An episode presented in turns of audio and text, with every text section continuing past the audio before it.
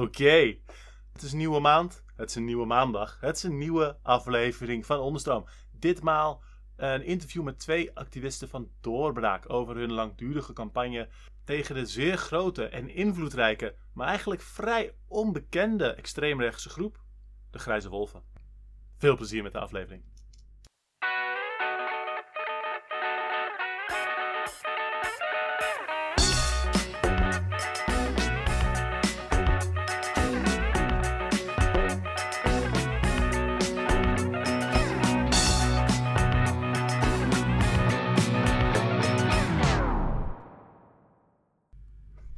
Oké, dus daar zijn we met de nieuwe aflevering deze maand.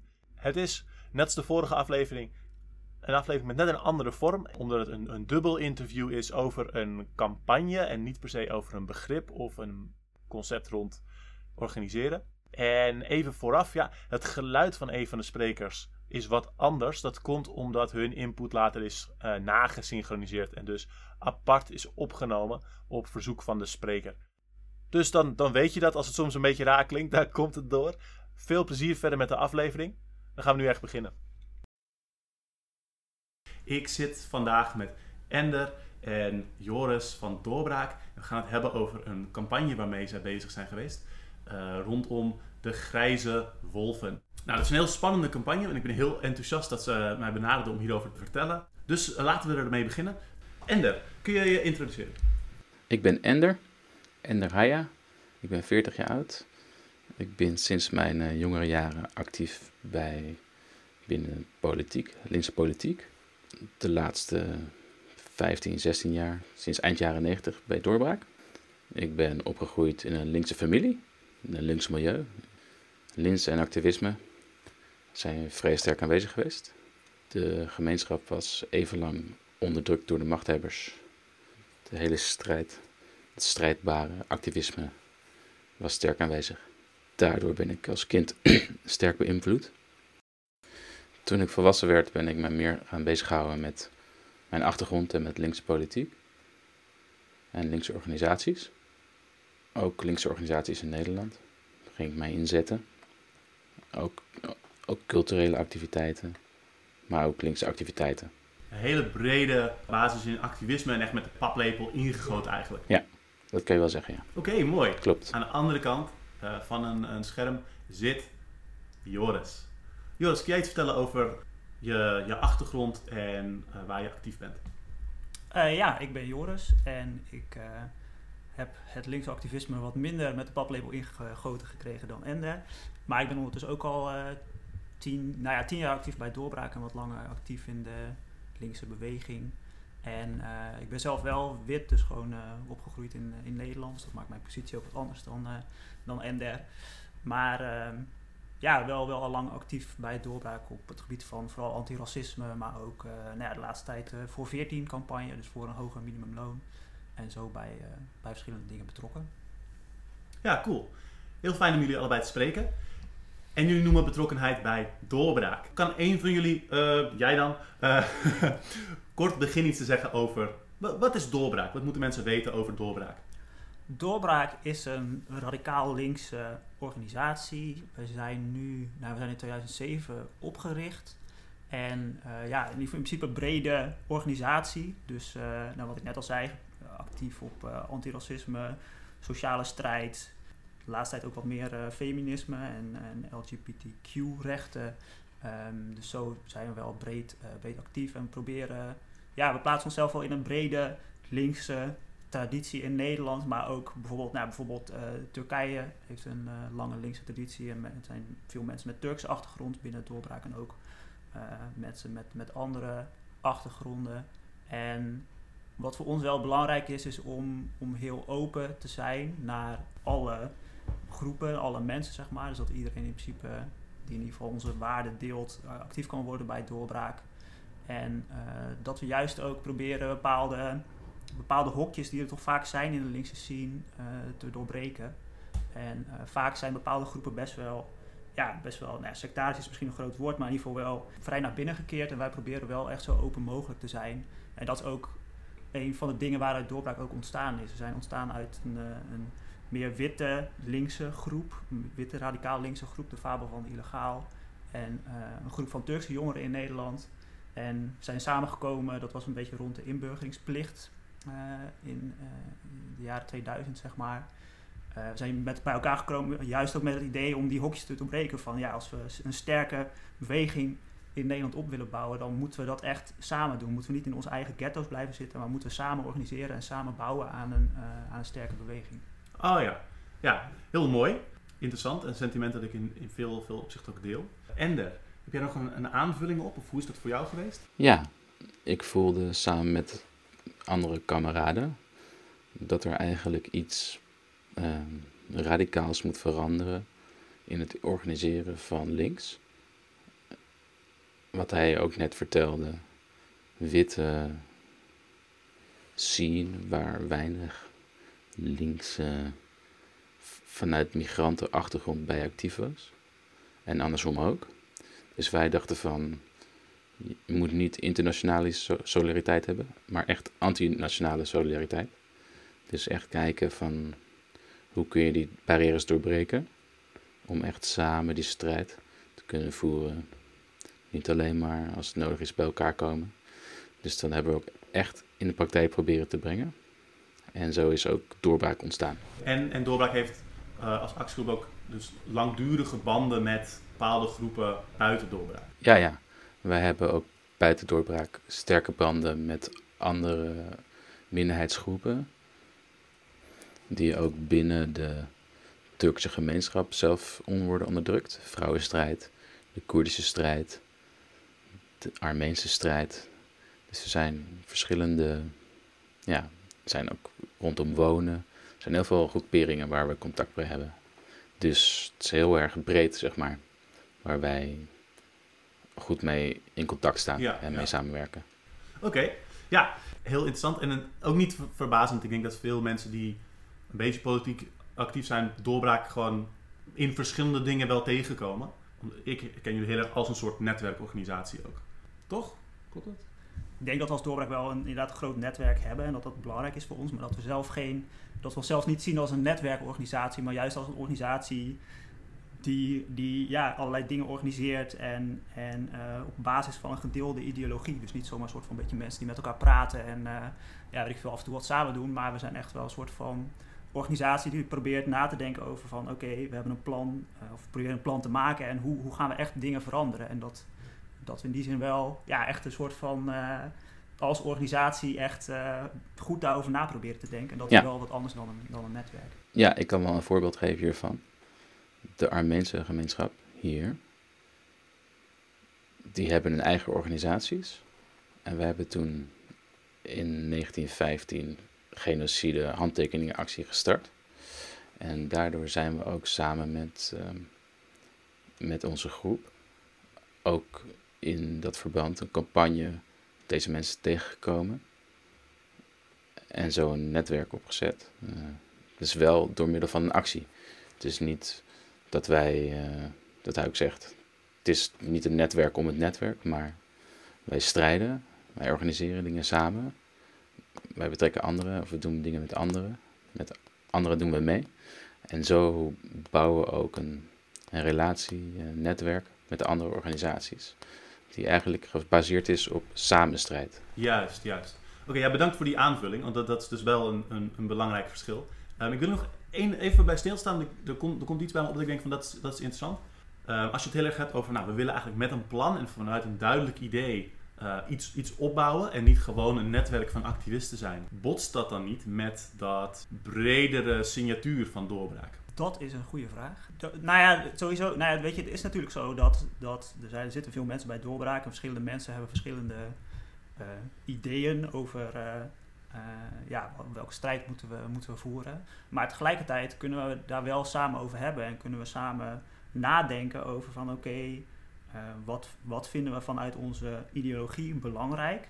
En ook als we kijken naar naar de maatschappij, van waar zien we beweging, waar denken we dat het nuttig is om te organiseren, waar denken we dat we mensen bij elkaar eh, kunnen brengen.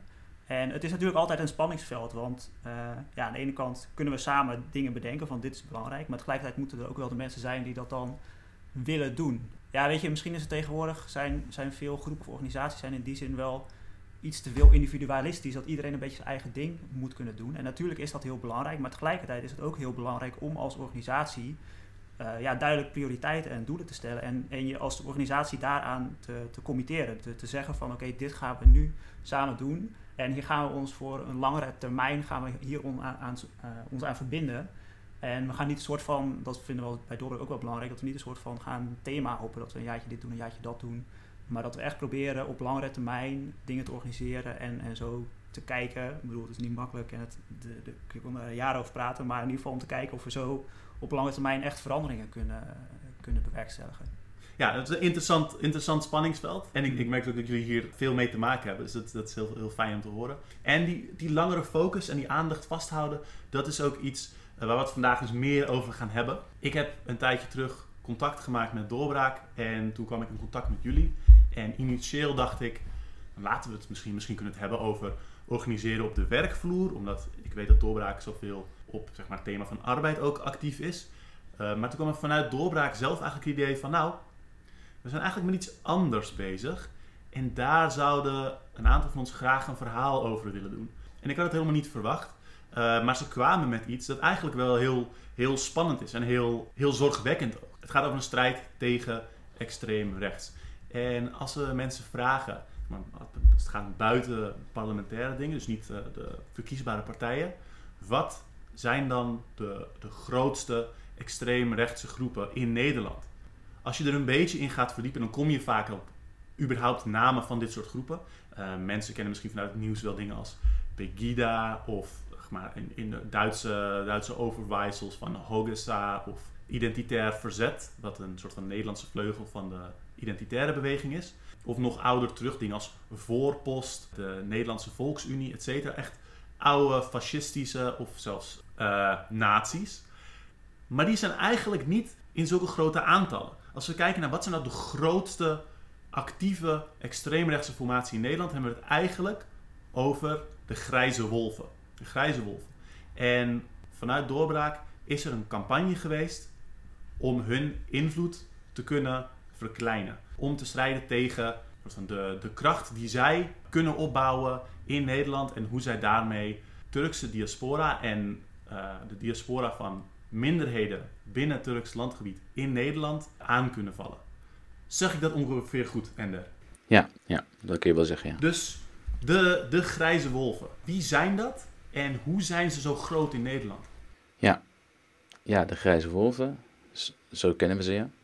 Eigenlijk noemen ze idealisten, de idealisten, Güçler, om aan te duiden dat ze een Turkse idealen hebben, een groot Turkse rijk. Dat ze alle Turkse gemeenschappen, zeg maar, onder één koepel kunnen verenigen.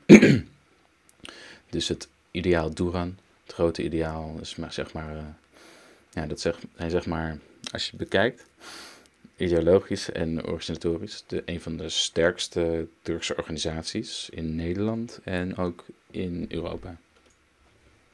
Um, waarom zeg ik dat? Omdat ze al vanaf de jaren zeventig zeg maar, zich aan het organiseren zijn in Europa. Sinds de eerste arbeiders hier aankwamen, zijn ze begonnen met organiseren.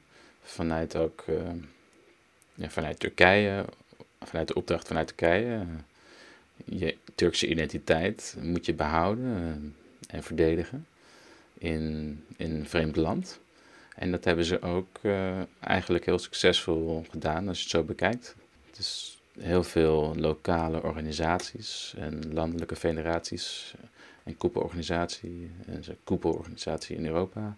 Hij heeft ook sterke banden met MAP, dus de, de moederorganisatie in Turkije. Oké, okay, uh, dus ook eigenlijk in Europa ook wel uh, een van de grootste organisaties van de Turkse diaspora. Ja, eigenlijk. dat kun je wel stellen. Ja, en een soort van ideologisch, je hebt, je hebt er al iets over gezegd. Als we het vergelijken met, zeg maar, uh, fascisme dat we hier zeg maar, in het, in het Noord-Europa kennen.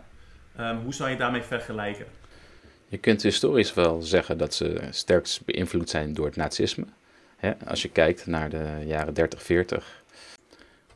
Ideologen zoals Hussein uh, Jalatus bijvoorbeeld, die is uh, sterk qua uiterlijk, zelfs sterk beïnvloed door Hitler-nazisme. Daarin kun je ook nog bij uh, toevoegen dat ze qua organisatie, qua ideologie bijvoorbeeld, qua antisemitisme, racisme, um, de hiërarchische organisatie, leiderschap, cultus, tal van symbolen, vaak ook uh, de handgebaren van de grijze wolf, de, ziek, ziekenheilachtige gebaar, zeg maar. Dat ze ook zo'n soort saluut hebben uitgevonden. Ja, ja. Er zijn heel veel uh, overeenkomsten. Er zijn ook wel weer dingen als ik, even, als ik eventjes kan inbreken. Je zei dat dat, dat handgebaar, dat, dat saluut, ja. dat lijkt eigenlijk heel erg op soort van dat, dat metal gebaar van throwing up the horns. Ja. Je hebt uh, twee ja. middelste naar beneden en dan de buitenste vingers uit. Ja. Maar dan net anders, toch? Ja, een pink en de wijfvinger omhoog. Dat is dus eigenlijk de nabootsing van de wolvenkop. En de duim met de middelste vinger, vingers bij elkaar. Dus we maken met de middelste vingers eigenlijk een soort puntje naar voren om een soort snuit. Precies. Dat zijn de oren en de mond en de neus, zoiets, ja. Hmm. Dus dat is een soort saluutgebaar die ze vaak laten zien. Uh, ook als ze bij elkaar zijn, uh, als ze demonstreren, dan kun je ze ook herkennen dat ze grijze wolven zijn. En Joris, hoe kom jij in contact met dat beeld van de grijze wolven? Jij zit natuurlijk in een andere gemeenschap, na dat je hoor je van dit is echt een ding. Hoe kwam dat? Ja, nou, dat, dat is gekomen door, uh, door Doorbraak, omdat ik gewoon... Ik ben, ik ben lid geworden van Doorbraak en ja, toen, toen ben ik in, in contact gekomen met mijn, mijn Turkse kameraden bij Doorbraak. En die, ja, die hebben gewoon heel veel, heel veel kennis en heel veel gewoon uit eigen ervaring natuurlijk te maken gehad met, uh, met de grijze wolven.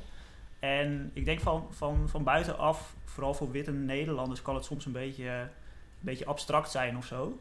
Uh, vooral als je een beetje een antiracistische kring verkeert, dan, uh, ja, dan, dan zijn het vooral zeg maar, in principe witte mensen die het, die het probleem zijn. Maar ja, bijvoorbeeld mensen uit de Turkse gemeenschap, mensen of Alevitische of Koerdische mensen uit. Nou, Koerdische mensen zijn geen Turkse gemeenschap, maar in ieder geval. Ja, mensen, mensen uit die gemeenschap hebben gewoon echt serieus te maken met, met, met heftige dreiging vanuit, uh, vanuit de grijze wolven. Ja, toen ik bij Doorbraak kwam en, en de verhalen heb gehoord van mensen en alle artikelen op de website heb gelezen en gewoon heb meegemaakt hoe die strijd is, zeg maar. Toen heb ik me wel gerealiseerd van hoe, hoe serieus dit probleem is. En ja, dat, het is niet zomaar even iets. Het is echt een, een serieuze bedreiging voor, uh, voor mensen. En dat heb ik me toen wel echt gerealiseerd. En misschien is dat ook nog iets om even toe te voegen dat, zeg maar, uh, Enver heeft net even de, de, de ideologie benoemd. En uh, je had net meer over de, die Europese organisatie. Maar ik denk dat het wel belangrijk is om te benoemen dat het ook gewoon echt een gewelddadige organisatie is. Dat het gewoon dat er gewoon, ja, ik weet niet of ik dit nu goed zeg, maar duizenden mensen in, in Turkije vermoord zijn. Ook in West-Europa gewoon mensen vermoord zijn. Dat het gewoon echt een, een dagelijkse dreiging van, uh, van geweld is. En dat dat gewoon een van de componenten is die het zo bedreigend maakt. Ja, ik, ik heb zelf, zeg maar, op, op demonstraties zie je wel eens als je iets doet met Koerdische strijd of iets rondom iets dat aan Turkije raakt, dan kom je vaak groepen zo van Turkse nationalisten tegen of waarvan sommigen dan wel of niet grijze wolven. En het is altijd heel onwerkelijk. Ik ben natuurlijk een witte man. En die, als je die groepen tegenkomt, over het algemeen doen ze alsof de, de witte demonstranten niet bestaan. En ze richten heel erg op de, de uh, vaak mensen met een, een, een Turkse komaf demo. Of groepen die uh, diaspora zijn van mensen die ook in en om Turks grondgebied wonen. En dat ze daar direct op gericht zijn. Kun je wat, wat voorbeelden geven van, van dreigingen in uh, die in Nederland zijn gebeurd? Of? Ja, maar voordat ik daarop inga, het heeft natuurlijk wel heel sterk te maken met, met in, wat in Turkije zo sinds de oprichting, sinds de moderne republiek zich heeft ontwikkeld. Dus dat is eigenlijk uh, wat daar, zeg maar, de eerste organisaties, die eigenlijk een beetje de, de nationalisme bedacht hebben en de nation building, de moderne Turkse staten. Opbouwen van het idee van een Turkse natie. De, de mensen die hier wonen, die moeten allemaal Turken zijn. En dat Precies, ja. heeft bepaalde eisen en bepaalde loyaliteiten en een bepaald politiek gedrag. Precies. Die kun je niet noemen dat, ze, dat die mensen grijze wolven zijn of idealisten waren. Maar uh, die, die waren wel sterk, sterk extreem nationalistisch. En daardoor hebben ze ook geprobeerd om de Turkse uh, natie, zeg maar, ook te, te zuiveren van buitenlandse elementen. Vooral toen er tijd waren dat christenen, zeg maar. Niet-moslims, moslimgemeenschappen, Armeniërs, Grieken, Assyriërs. En hierbij verwijs je ook naar de, de, bijvoorbeeld de uh, Armeense genocide bij het ontstaan van de Turkse staat precies. begin van de vorige eeuw. Ja, precies. Die zijn eigenlijk voorlopers geweest van, van de grijze wolven. Daar leggen de grijze wolven ook veel nadruk op. Die worden vereerd en noem maar op. En later is het ook overgenomen door de Kemalisten, de nationalisten. In de jaren 40 waren ze, waren ze de Kemalisten, jaren 30, jaren 40. Met de opkomst van het nazisme in Duitsland waren ze sterk. En Kemalisme, dat verwijst naar? De Kem Kemal Atatürk, de ah, ja. oprichter van de Turkse staat. En de ideologie die daaraan hangt.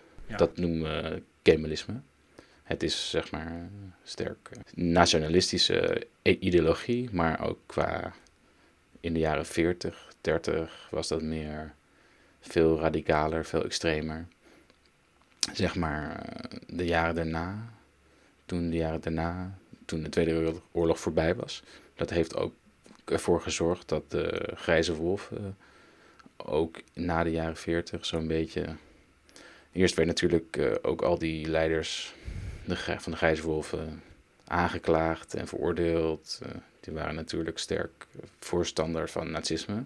Maar om te laten zien dat aan de wereld dat ze geen Hitler-aanhangers aan, of nazisten waren, na nazi-fans. Om het wat, wat meter. Dat is een beetje de achtergrond die je moet beweten. en Daarna kwam natuurlijk ook, kwamen de Koerden aan de beurt. Waarom de grijze wolven hier in Nederland op die mensen richten, is ook denk ik te maken met wat zich daar heeft afgespeeld. Want heel veel Armeniërs of Koerden die dan onderdrukt zijn in die hele periode en daarna en tot nu toe, gaat allemaal door. Armeniërs, Armeense genocide is nog niet afgelopen, waardoor nog steeds Armeniërs worden vermoord. En de Koerdische, Koerdische onderdrukking gaat natuurlijk door. En hier in uh, de vrijheid die de gemeenschap uh, hier heeft, uh, om een stem te laten horen, daar wil de Turkse staat niks van hebben. En de verdedigers van de Turkse staat, de grijze wolven, die staan vooraan om die mensen ook monddood te maken. Of eventueel fysiek aan te vallen. Dus ik, hoor twee, twee soort van voorname doelen eigenlijk. Dat is de Turkse diaspora in Nederland en in Europa nationalistisch uh, houden en zo extreem rechts mogelijk maken. En, uh, en dus ook hen proberen te controleren uh, ten gunste van zeg maar, een extreemrechtse politiek in Turkije.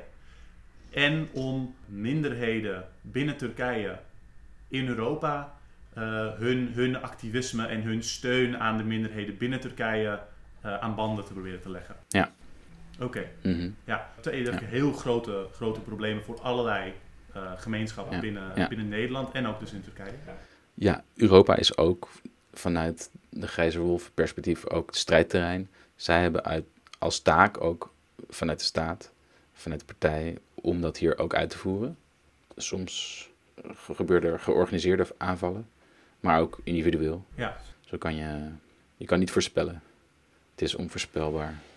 Kan van alles, uh, als de strijd daarop leidt, tussen Koerden en de staat kan invloed hebben op hier, wat hier gebeurt. En kun je dan iets zeggen over die, die gewelddreiging die je genoemd hebt? Een aantal, kun je een aantal dingen noemen die zeg maar, illustreren wat de dreiging is van wat de grijze wolven uh, voor naast doen in Nederland bijvoorbeeld? Ja, in Nederland ook. Dan moet je dus ook weten van hoe gewelddadig de grijze wolven zijn. Want wij zien in Nederland. Hier zijn de paramilitaire eenheden ook niet actief niet zodanig actief als in Turkije of als Syrië. Dus de geweldsincidenten die vinden niet dagelijks plaats. Het is meer de dreiging vanuit de aanwezigheid als er demonstraties plaatsvinden. Of zo nu en dan een vereniging of een Koerdische vereniging wordt aangevallen. Of met de erkenning van de Armeense genocide, als de parlementariërs worden bedreigd. Gebeurt in Duitsland wel eens. Uh, het gebeurt dat er linkse parlementariërs van Turkse afkomst worden bedreigd. De erkenning ja. is dus een issue voor hun. de Armeense genocide. Dus ik, ik hoor het bedreigen van uh, politici die de Armeense genocide geaccepteerd willen zien. Ik hoor uh, aanvallen van sociale centra. Ik hoor het aanvallen van uh, demonstraties. Ja. ja, dus al die groepen die worden bestempeld als, net als Turkse staat, als terroristen. Dus die zijn allemaal doelwit. En zo nu dan vindt er een aanslag plaats. Of wordt net voorkomen dat een aanslag plaatsvindt. Maar wat ik, wat ik, wat ik net wil vertellen is dat gewelddadig karakter van de grijze wolven, die kun je, als je kijkt naar de linkse strijd in de jaren zeventig en daarna, de Koerdische strijd, zie je heel erg naar boven komen door bloedbaden, pogroms tegen Koerden, tegen Alewieten, al eerder dus tegen Armeniërs. Nu zie je ook tegen de laatste aanval op Syrische vluchtelingen in Ankara. Daar zijn eh, de vluchtelingen uh, doelwit van grijze wolven en ultranationalisten. Ja, ja. Zeer, zeer intense, extreem gewelddadige groep die in meerdere landen aanwezig is. Ik wil ik graag iets horen over de directe aanleiding om campagne tegen grijze wolven in Nederland te doen. Ja, kan ik daarvoor nog iets, een andere campagne, dus dat was de voorloper geweest van. Ja, heeft het met elkaar te maken. Wij hadden daarvoor nog heel erg gefocust op, op festivals die de Grijze Wolven organiseerden in Nederland. Eigenlijk waar ze allemaal, uh, steden waar ze eigen afdelingen hadden, organiseerden soms wel twee keer per jaar een festival. Dat is dan zogenaamd sociaal-cultureel evenement. Daar worden gewoon allerlei artiesten uitgenodigd en Nederlandse artiesten en boertbewoners. Gewoon een soort kermis noemen ze dat. Maar dat was heel belangrijk voor hun. Ten eerste omdat ze, zo halen ze geld binnen. Soms krijgen ze subsidies. En worden daar dingen verkocht. Ze kregen allemaal sponsoren, daar geld van. Dus wij dachten van, daar moeten we iets op gaan focussen. Want dat is, uh, dat is meer dan alleen maar een, feest naar buiten toe werd het gelanceerd als een feest. Maar er is helemaal geen feest voor minder, heel veel minderheidsgroepen die ik net noemde. Dus daar hebben we eigenlijk uh, best wel succesvol campagne gevoerd. We hebben echt uh, hen ontmasterd, waar ze allemaal dingen organiseerden. We hebben sponsoren die geld gaven, hebben ook geboycott. Artiesten die heel racistische dingen zeiden, uh, hebben we ont ook ontmasterd. Dus ja.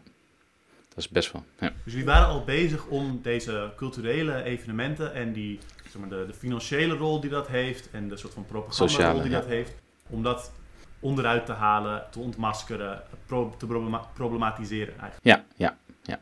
Ja, omdat ze, omdat ze heel veel steun kregen natuurlijk van de gemeentes en, uh, en ook onwetende buurtbewoners of andere uh, ja. of Nederlandse artiesten die werden uitgenodigd die er niks van weten. En natuurlijk ook omdat ze dan heel veel jongeren erbij betrekken om die te organiseren. Om ze bij de organisatie te, te betrekken en ideologisch te beïnvloeden, kinderen, jongeren. Dus dachten wij van uh, laten we eens gaan kijken. Want uh, als je terugkijkt naar um, dit boek, Stella Branden met de Ulger. Zij kwamen erachter in de jaren negentig dat, um, dat grijze wolven miljoenen subsidies ontvingen. Echt miljoenen. De grijze wolven krijgen, ontvangen in Nederland miljoenen aan subsidies. Ja, Stella Braam heeft uh, letterlijk gezegd van ze ontvingen afdelingen in de jaren negentig een miljoen. En ook nog gesubsidieerde uh, melkortbanen. Zeg maar van de organisatie. Melkortbanen, die werden ook gesubsidieerd. Ook nog eens 2 miljoen. Dus daar konden ze gewoon ook echt bewijzen. En natuurlijk zijn er wel dingen veranderd qua subsidie, qua regelingen. Dus heel veel uh, organisaties, multiculturele organisaties, om ze zo maar te noemen, uh, kregen geen, geen subsidie meer verstrekt. Dus die verdwenen dan natuurlijk met de tijd. Of die werden gewoon. Uh, ja. ja. Ja, maar dat, dat is, dat is nogal, nogal een shocker natuurlijk. Ik zal ook een, ja. een link naar het boek plaatsen. Um, waarin dit is uitgekomen. Maar dat, dat is een, zo'n zo'n extreme. Ja, dat is een. Zo openlijk, uh, in ieder geval openlijk, maar zo fascistische groep zoveel geld van uh, Nederlandse overheden ontvangt.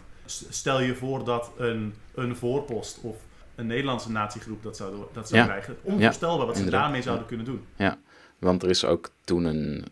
We hebben nog een uh, beelden ervan. Uh, toen ze in... Toen netwerk, Nieuwsuur, toen de tijd. Toen heeft Stella Bram... Toen, ze, toen is ze ook bedreigd natuurlijk. bij het publiceren van het boek. toen vertellen ze ook dat, dat het echt feitelijk ook te bewijzen is dat dat de Grijze Wolven organisaties miljoenen subsidies hebben ontvangen. En ook uh, daarnaast ook nog uh, Jan Marijnissen, die toen de tijd ook bezwaar tegen heeft gemaakt in de gemeenteraad. Die werd toen fysiek aangevallen. Dus die doet ook verhaal in die nieuwsuur-uitzending. Dat kun je gewoon terugvinden. Maar dat was in jaren 90, in de jaren 90, eind jaren 90. Dus er waren hele discussies over grijze wolven, over subsidies. Na een tijdje is dat weer in de vergetenheid geraakt. Dat gaat zo vaak zo met de grijze wolven. Een tijdje is, het, is, is er weer iets in het nieuws. En dan of er is een aanslag geweest of een onderzoek. En dan wordt het weer vergeten. Dan wordt er uh, gedaan alsof, het niet, of ze niet meer bestaan. Maar ze bestaan nog steeds. Dus hebben wij gedacht van, hoe staat het dan eigenlijk nu met hun subsidies? Want ze organiseren, organiseren nog steeds veel dingen. Dan kijken we hoe het nu ervoor staat. En het blijkt dus dat eh, ze ontvangen niet zoveel subsidie meer, want de regelingen zijn veranderd. Hè. De organisaties en de zelforganisaties uh, ontvangen geen, uh, heel weinig subsidie. Maar ze vinden wel manieren om alsnog subsidie binnen te krijgen. En ongeveer uit mijn hoofd zo minimaal tien afdelingen, gemeentes, die substrect of facilitair ondersteunt dus door een organisatie. Zelfs een gemeente die een, een gebouw, die een gebouw in beheer heeft, die ze kwijt wilden en aan hun hebben verkocht. Dus ondanks zeg maar, bezuinigingen en veranderingen in de regeling, waardoor, waardoor organisaties die vroeger bijvoorbeeld, weet ik veel, van culturele evenementen deden, meer, meer subsidie kregen om een bepaalde soort van bevolkingsgroep te bedienen daarmee. Ondanks dat dat minder is geworden, weten de Grijze Wolf, of wisten ze bij het begin van de campagne nog steeds, allerlei geld en steun vanuit gemeentes binnen te krijgen. Ja, wij hebben beperkt gehouden. Sinds 2015 uh, ehm, hebben we het onderzocht, tot nu toe. En er zijn dus minstens tien afdelingen en gemeentes hebben in die sinds 2015 subsidie verstrekt aan de, de grijze wolven, afdelingen en organisaties in Nederland. Oké, ja, dat, dus dat kunnen we feitelijk uh, allemaal bewijzen. We gaan er weer even tussenuit voor een shout-out. Het laatste weekend van deze maand is 2DH5 Festival er weer. 2DH5 Festival. Dit valt dit jaar op 26 en 27 februari. Het vindt dit jaar plaats in Amsterdam, in Rue Paré. En we raden altijd sterk aan, en ik raad altijd sterk aan om erheen te gaan. 2DH5 is een tweedaags festival vol workshops over activisme en politiek. Ik ben zelf heel enthousiast over de workshop Effectieve Propaganda, aansluiten bij je publiek.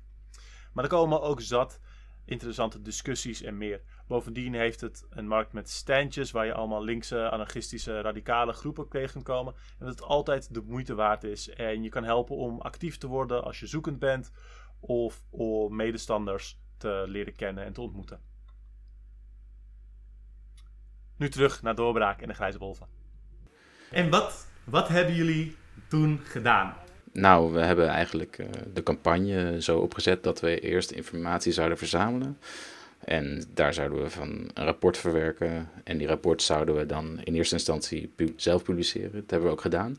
En we zouden vervolgens ook naar de gemeentes toe de informatie doorspelen, zodat ze maatregelen konden nemen. Dus we hebben ook contact gezocht met de gemeentes en ook met partijen die daar eh, in de gemeenteraad zitten en ook met de Tweede Kamer. Opdat daar ook vragen over gesteld konden worden. De lokale politici, ehm, waar we contact mee hadden. Dus ja, dat was eigenlijk ook wat we eigenlijk uh, probeerden te bereiken. Dat gemeentes in ieder geval erkenden met de informatie die we hadden, want we hebben heel veel informatie over de ware karakter van de organisaties. Ook al ontkennen ze dat, er zijn genoeg bewijzen.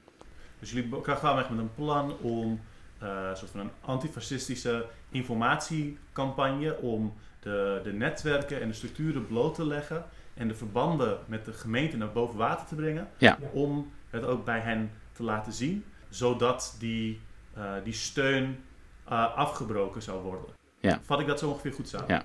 Ja, en misschien wat ik nog even aan toe kan voegen is het, het laatste wat jij zegt is dat wel... eh, kijk, e- eerder hadden we wel campagnes dat we echt probeerden dingen bloot te leggen of zo. Van laten zien van oké, dit zijn dus die grijze Ja. wolven en dit zijn de festivals die ze organiseren. zijn niet die leuke eh theedrinkkransjes, zeg maar. Maar wat we met deze campagne wel echt proberen is om ook echt te zorgen van... eh, om meer een soort van de materiële dingen ook eh, aan te vallen in de zin van...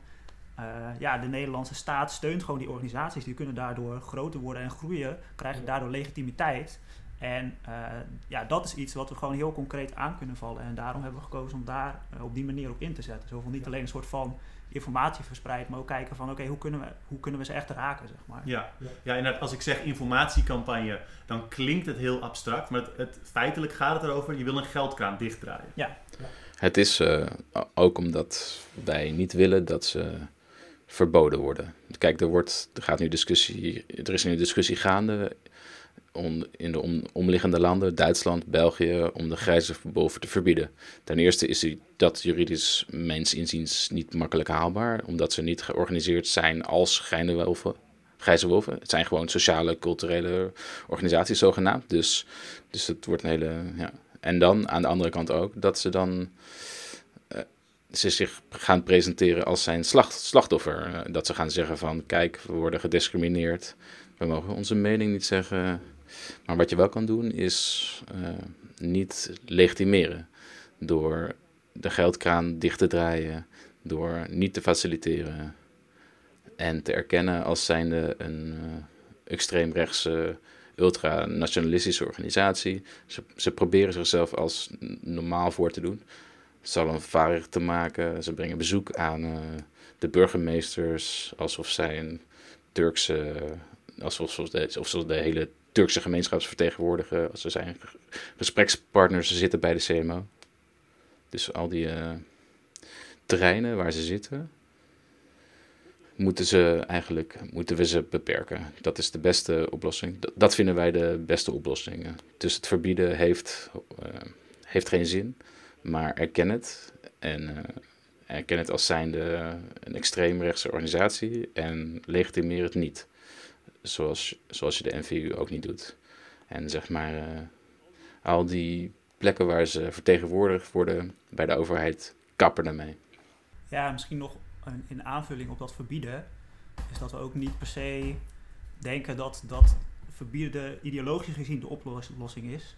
Uh, en ook als de staat de macht krijgt om organisaties te verbieden, dan, ja, dan, dan kun je er donder op zeggen dat de volgende, de volgende organisaties die verboden worden, dat dat, dat, dat linkse organisaties zijn. Dus in die zin denken we ook op die manier niet dat dat, dat, dat de strategie is die we, die we moeten volgen.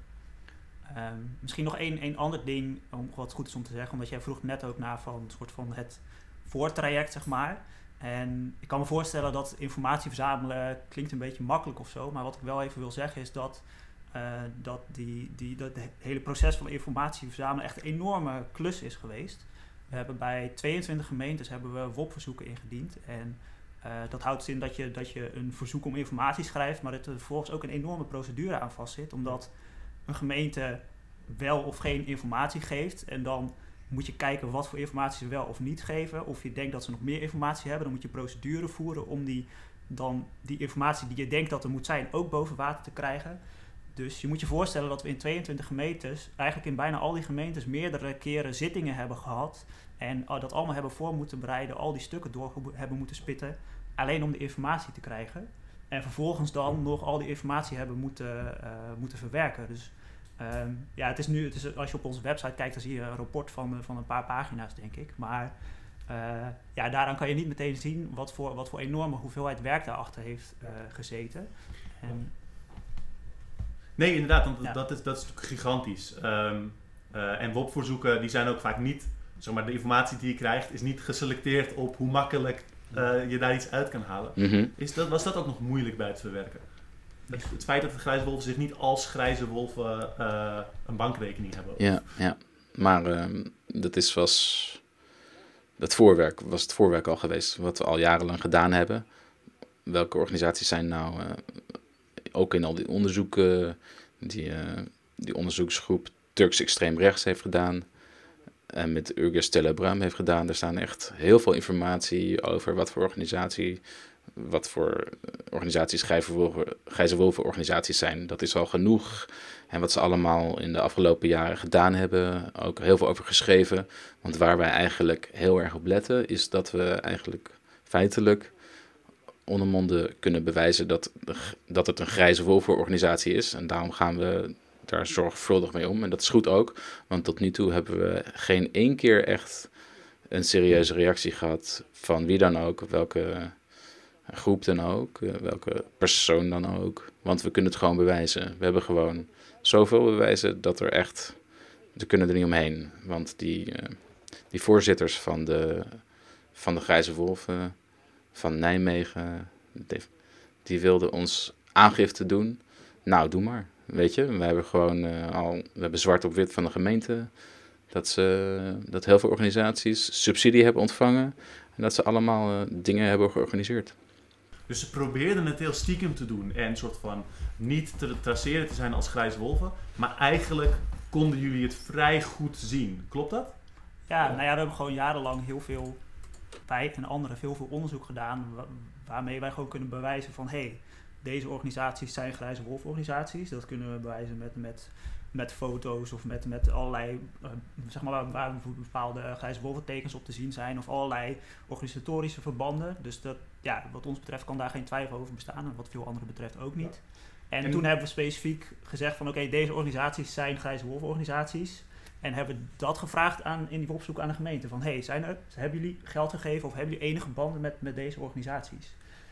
En, klopt het dan dat zeg maar, die, die voorkennis die jullie eigenlijk hadden, die jullie al hadden, dat het eigenlijk al genoeg was om die uh, organisaties uit de WOP-verzoeken te herkennen? Meestal wel. We zijn veranderd met de tijd. Eh, er worden nieuwe afdelingen opgericht. Of er zijn afdelingen waar je denkt van, nou, uh, officieel is het heel erg lastig en er is weinig gepubliceerd. Ze zijn niet zo actief. Dus die moet je echt uh, 100% weten om er ook iets mee te doen. Dus dan ga je extra uh, onderzoeken, kijken naar publicaties, naar gemeentelijke dingen. Bijvoorbeeld een van die afdelingen was ook lastig. Uh, was contact met de gemeente en toen was die, stond ook op de website van de gemeente. Die was een keer weggehaald. Dus ja, het is ook, weet je, je bent informatie kwijt. Dus dan moet je extra gaan zoeken van, uh, wat is nou de link met de gemeente en wat is nou... Uh, wat, wat laat nou echt zien wat Grijze organisatie is?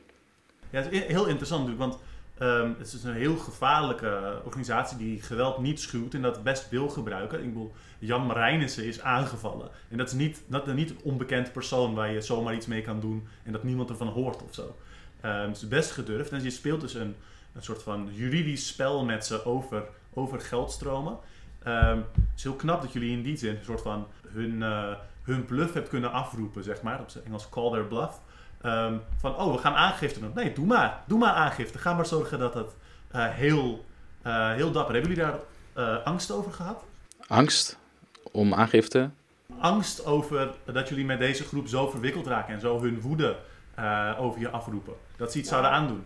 Nou, angst wil ik niet zeggen, maar je weet wel hoe gewelddadig ze zijn. en je moet gewoon voorzichtig mee zijn. Je moet ze niet onderschatten. Kijk, hier zijn ze heel braaf. Dus ze, willen zich braaf voordoen. Dus ze zullen niet zo snel iets zo gaan doen. Maar ze zijn, ze zijn gewoon gewelddadige organisaties. En ze zijn ook in het verleden en nu ook in Duitsland. Is een hele discussie verwikkeld. Ze zijn verwikkeld in criminele activiteiten. Ze hebben in het verleden ook allerlei maffia dingen gedaan. je weet, uh, kun je niet onderschatten. Dus je moet er echt mee uitkijken. Maar uh, ze zijn niet, uh, zijn niet bang dat we dan uh, dingen niet gaan doen of zo. Nee, is, nee. Je wil een voorbeeld geven? Ik kan wel een aantal voorbeelden geven van wat heel erg uh, speelde. Wel toen we de eerste, de eerste jaren van doorbraak onderzoek deden naar de grijze wolven. Toen kwamen we ook achter dat sommige organisaties sterk banden hadden met grijze wolven. Rechtse organisaties, maar het verkeerde ook in binnen linkse organisaties en politieke partijen. Dus zo'n beetje dubbelrol aan de ene kant een heel erg nationalistisch en contact met grijze wolven. Uh, aan de andere kant doen alsof ze heel braaf zijn en uh, heel netjes zijn. Ze kregen zelfs ruimte van de linkse organisaties. Daar konden ze gewoon vergaderen. En nou, op een gegeven moment uh, werd de Koerdische centrum aangevallen. Met ongeveer 200 jongeren. En er was spontaan, hè? dus was ons verwachts. Nou, wij dachten van, dat kan nooit. Dat kan niet uit de lucht vallen. Er moet iets zijn waardoor de jongeren daar eigenlijk uh, naartoe gestuurd zijn, naartoe geleid zijn. Dus wat bleek nou? Uh, de, er was een demonstratie, er was een plaatsgevonden daar, daarvoor. En heel veel jongeren zijn daar dus verzameld. En dan konden wij gewoon uh, uit het onderzoek zien dat er ook ex-bestuurders, oud-bestuurders van de Grijze Wolven aanwezig waren. Plus in die, die organisatoren die ook grijze wolven symbolen droegen en die dus ook daarna aanwezig waren bij de aanval. Sommigen op de achtergrond, hè, die, uh, die spoorden jongeren gewoon aan om aan te vallen. En we hebben dus al die, aan de hand van al die beelden en die namen die dan toen tegenkwamen, hebben we uh, een aantal artikelen geschreven en uh, genoemd van dat het geen toeval kon zijn, dat het gewoon georganiseerd was. Uh, georganiseerde aanval op een Koerdische vereniging. Dus uh, ja, zo zie je maar dat het niet eens per se een grijze organisatie direct zich ergens, um, die zich ergens bij mee bemoeide of zo, ook gewoon op de achtergrond heel veel kan regelen, uh, heel veel kan aansturen. Weet je, dat is, uh, ja, dat is het gevaar ja. die erachter schuilt. Ja. Daar moet je mee oppassen. Even kijken, dus die die campagne heeft zo vijf jaar gelopen. Jullie hebben de informatie verzameld. En hoe ging dat toen uh, met, uh, met de gemeentes, met dat contact? Wil jij er iets over zeggen?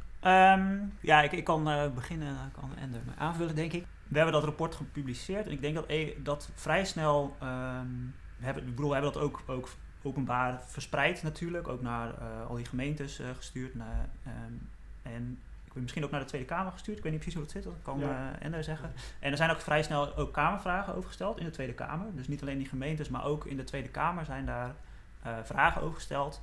En uh, in, ja, ook in verschillende gemeentes, um, ik geloof een stuk of vijf gemeentes, zijn er ook raadsvragen over gesteld. Vaak door, door, door linkse partijen. SP zeg ik trouwens niet helemaal goed, want volgens mij heeft de VVD ook in een gemeente vragen gesteld. Ja, vaak re reageren gemeentes, of de burgemeester en wethouders reageren daar dan heel erg uh, afhoudend op of zo. Of op een manier van, uh, ja, het valt allemaal wel mee en alles een beetje downplayen, zeg maar. Zo van, ja, het zijn gewoon culturele organisaties en uh, wij weten van niks, zeg maar. Terwijl, ja, wij denken van, ja, in ons rapport staat heel duidelijk wat die banden zijn. Maar ja, die gemeentes reageren dan heel erg afhoudend. Oké, en dan? We hebben ook een, naar de naar de media ook gestuurd. Uh, vooral de lokale media heeft het erg goed opgepakt in sommige regio's. Uh, die hebben ook verhalen van gemaakt. Die hebben ook uh, zelf contact gezocht met de Grijze Wolven. De Grijze Wolvenorganisaties. Dus die hebben ook, ook gepubliceerd. Ehm, maar ja, het is een goede vraag. Wat daarna? Dan is het lastig. Wat doe je daarna? Want je wilt gewoon dat de gemeentes eigenlijk en dat het gewoon eigenlijk goed opgepakt wordt uh, en ook feitelijk. Want, want de burgemeester van Nijmegen bijvoorbeeld, die zei het is een extreem linkse organisatie, dus uh, die informatie, dat klopt niet, de feiten kloppen niet. Dan moest je dan allemaal natuurlijk, natuurlijk klopt die informatie. We hebben heel veel informatie verzameld, we hebben via WOP-verzoeken verzameld, komt van de gemeente zelf. Bovendien, sommige gemeentes, Bovendien wil de gemeente als Nijmegen heeft twee keer signaal gehad. Eén keer heeft de gemeente een interne onderzoek laten voeren door een ambtenaar. En die kwam tot de conclusie dat er grijze wolforganisatie was. Dus de gemeente zelf en de grijze wolven hebben in Nijmegen hebben ze een theaterzaal gehuurd. ehm, zogenaamd voor een feest, terwijl het eigenlijk ging om de herdenking van een de, hun, hun leider, die inmiddels is overleden. Hebben ze niet gezegd natuurlijk. Dus die waren natuurlijk eigenlijk, die theaterzaal was natuurlijk in paniek. En toen hebben ze eigenlijk een, een overleg plaatsgevonden binnen de gemeente om te kijken van wat ze hier moeten, mee moeten doen. Dus signalen zijn er en kenningen zijn er ook. Maar als er een rapport komt, kan uh, een burgemeester heel makkelijk zeggen van dat is gewoon een, uh, een Turkse culturele vereniging. Er is niks aan de hand, niets om druk om maken. En dat is precies ook de dekking die ze eigenlijk wilden hebben natuurlijk. Ja. Dat is waarom ze zich niet als Vragijze Wolf organiseren, maar een andere naam gebruiken. Precies. En de burgemeesters, die, of de gemeentes vaak, die probeerden die dekking ook te geven. Ja. En dat zal ongetwijfeld te maken met dat zij zelf het geld gegeven hebben. Dus zij willen ook zichzelf daarmee een soort van vrijwaren van kritiek. Ja. Tegelijk, tegelijk zijn er ook gemeentes die, die wel besloten hebben om geen geld meer te geven Ja. organisaties. Uit mijn hoofd, eh, Schiedam is daar vrij duidelijk in geweest. Die hebben gezegd van, eh, dat, dat doen we niet meer. Dus, dus er zijn gemeentes die, die dat wel doen en dus, dus ook heel bewust die keuze maken om het wel te doen. En er zijn ook gemeentes die, die ondertussen besloten hebben om dat niet te doen. Ja, En bij de gemeentes dus waar het moeilijker ging, zijn jullie meer naar de media gegaan. Hebben jullie nog andere dingen gedaan om eh, die, die geldkraan toch dicht te krijgen? Ja, nou nee, ja, dat is lastig, want we zijn al, eh, je bent afhankelijk van de gemeente, van de besluiten die daar genomen worden. Ehm, en ja, we, bij sommige gemeenten, wat Joris ook zegt, is er wel een, een belletje gaan rinkelen. Hebben ze wel gezegd van, nou, we doen het niet, we houden ermee op. En andere gemeentes, eh, die, ja, die, die hebben er geen boodschap aan. Die laten dat gewoon zo'n rapport naast zich neerleggen. Eh, en er zijn natuurlijk ook eh, regionale eh, veiligheidsrapporten die daar ook wel weer... die, die, die, die brengen ook rapporten uit die dan duidelijk zeggen dat grijze wolven organisaties... Die beschrijven gewoon hoe die organisaties werken. Dus er is genoeg reden om voor de gemeentes om het niet te gaan doen. Maar ze doen het toch. Nou ja, goed. Je kunt erover eh, praten, maar ja, goed, het is lastig eh, als je geen. eh, ja. Ja. Ja. En, en hoe ehm, zijn jullie, hebben jullie die druk volgehouden? Is dat nog steeds aan de gang? Wat doen jullie dan eh naderhand? Deze campagne heeft nu een aantal jaren gelopen. ja, Dus is dit nog steeds actief? Het is. eh, ik denk dat er. Ja, goed, hierna niet zo makkelijk wordt het niet zo makkelijk. Je, je kan ook wel subsidie blijven verstrekken, maar ja, na zoveel informatie, na zoveel eigen feitelijke bronnen, dat het, dan wordt het eigenlijk. eh, dan loop je eigenlijk risico als gemeente. Dat weten we en we houden het in de gaten. We monitoren dat. We blijven natuurlijk volgen. Wat voor risico loopt de gemeente dan? Nou, als er straks iets gebeurt binnen de regio, binnen een stad of, of wat dan ook. Wat eigenlijk, eh, ondanks al die informatie eh, wat je allemaal hebt. ehm, als je je ogen dicht doet, dan ben je als gemeente verantwoordelijk ervoor. Want je negeert het gewoon en je, je laat het naast je liggen. Dan ben je ook straks verantwoordelijk voor de gevolgen als er wat bij de gemeente gebeurt. Of nog duidelijker, eh, als het nog duidelijker buiten komt waar het om gaat. En als je, wij kunnen natuurlijk ook een gemeente niet gaan beoordelen. We hebben gewoon alles ingezet om alsnog bij een bepaalde gemeente voor elkaar te krijgen. Maar goed, het is ja, helaas eh, niet, niet doorgegaan. Eh, maar de gemeente, ja, we hebben voor, elkaar gekregen dat bij de Tweede Kamer vragen zijn gesteld. En men ook eh, ging discussiëren daarover. Dus er is, er is wel iets veranderd. Het is misschien op korte termijn misschien niet zichtbaar, maar we verwachten wel dat ook omdat eh, om ons heen, eh, in Duitsland, in België, in Oostenrijk, eh, daar wordt dis- discussie gevoerd over het verbieden van, over criminele, ultranationalistische criminele organisaties. Criminaliseren? politici bedreigd worden, dat er lijsten circuleren van, van mensen liquideerd worden. Meestal worden de grijze wolven voor dit soort, dit soort taken ingezet die verband zijn eh, aan criminele organisaties eh, die eh, banden hebben met de grijze wolven. Eh, vooral in Duitsland is, eh, maar ook vanuit Turkije is daar discussie over. Dus het zijn ook culturele organisaties. Nou, er, er zijn de motorclub, die ook die, die, die een criminele organisatie, die zou dan ook van, vanuit Turkije, de hele discussie vanuit Turkije, vanuit links, die heeft geld gekregen vanuit de regering om hier eh, Ja. om geen leuke dingen te doen, eh, zeg maar, zacht uitgedrukt. Dus eh, ja, die organisatie die de, de mensen die de kopstukken zijn opgepakt wegen, wegens criminele organisaties, die hebben dus hier ook banden met de, dat soort organisaties in uh, Duitsland. En die motorclub die probeert ook in Nederland uh, afdeling op te richten. Ja, ja, ja, dus het is heel verstrengeld en heel zeg maar, veel verschillende invalshoeken om invloed te hebben op zeg maar, de Turkse diaspora in Europa. Ja, wat ik wou zeggen is, in Duitsland, uh, in Duitsland, België, Oostenrijk, is een hele discussie gaande over de grijze wolven. Dat het gevaarlijk is en dat het, uh, wij willen niet dat het verboden wordt. Uh, ook vanuit, wij zijn, wij lopen nog wel achter. Dus, en, maar dus ook ondanks dat sommige gemeentes die subsidie nog niet stil, nog niet stopzetten, zijn er wel dingen in gang Waarbij dus bijvoorbeeld de informatieverstrekking in Nederland kan, kan aansluiten op bredere ontwikkelingen die alsnog zich tegen de grijze wolven kunnen keren. Ja, en misschien om even aan te haken op wat iets eerder gezegd werd, is dat ik de, kijk, we hebben best wel uh, heisa hierover gemaakt, zeg maar, in de media. En ook allerlei lokale media hebben hier wel aandacht aan besteed, hebben uh, interviews gedaan. Wij zijn ook uh, geïnterviewd. Um, en Kijk, we weten, we weten natuurlijk ook niet precies wat het, wat het effect is. Ik bedoel, natuurlijk gaan die gemeentes in eerste instantie alles van zich afgooien. Maar we weten niet wat er, wat er volgend jaar of over twee jaar gebeurt. Het kan zijn dat er best wel uh, ergens ambtenaren zijn gaan denken van... oh, misschien moeten we het niet doen. Of dat ambtenaren denken van... oh, je komt alleen maar gezeik van. Uh, laten we hier maar mee stoppen of zo, weet je wel. Dus we weten ook niet direct wat de invloed is. Dat is natuurlijk heel vaak bij politieke campagnes zo. Je kan een gemeente ergens op aanspreken... en in, in eerste instantie dan... Uh, gebeurt er niks. Maar, maar na twee of drie jaar merk je van hé, hey, ze zijn ondertussen mee gestopt bijvoorbeeld. Dus um, ja, in die zin is het, is het altijd goed om, uh, om, om, om op die pijnpunten te drukken. En, uh, en, en zoals, zoals uh, Ender zei, we houden het gewoon in de gaten. En ja, wie weet over een paar jaar wat we, wat we dan weer gaan doen. Ja, misschien is dat ook Nee, ja, heel duidelijk. Je kunt, je kunt het niet altijd voorspellen. Je moet soort van ergens in je, in je analyse vertrouwen om te zien wat er uitkomt. En soms gaat dat mis. Um, misschien is dit een goed moment om een soort van de, de resultaten op een, op een rij te zetten. Wat er nu nog gaande is, van jullie houden het in de gaten en het is een soort doorlopend soort ja, in de gaten houden, kijken of er ontwikkelingen zijn. En, en dus ook monitoren wat de resultaten zijn van wat er is gebeurd, als ik het goed heb. Hoe zouden jullie de resultaten tot zover beschrijven en welke hoop hebben jullie voor de toekomst?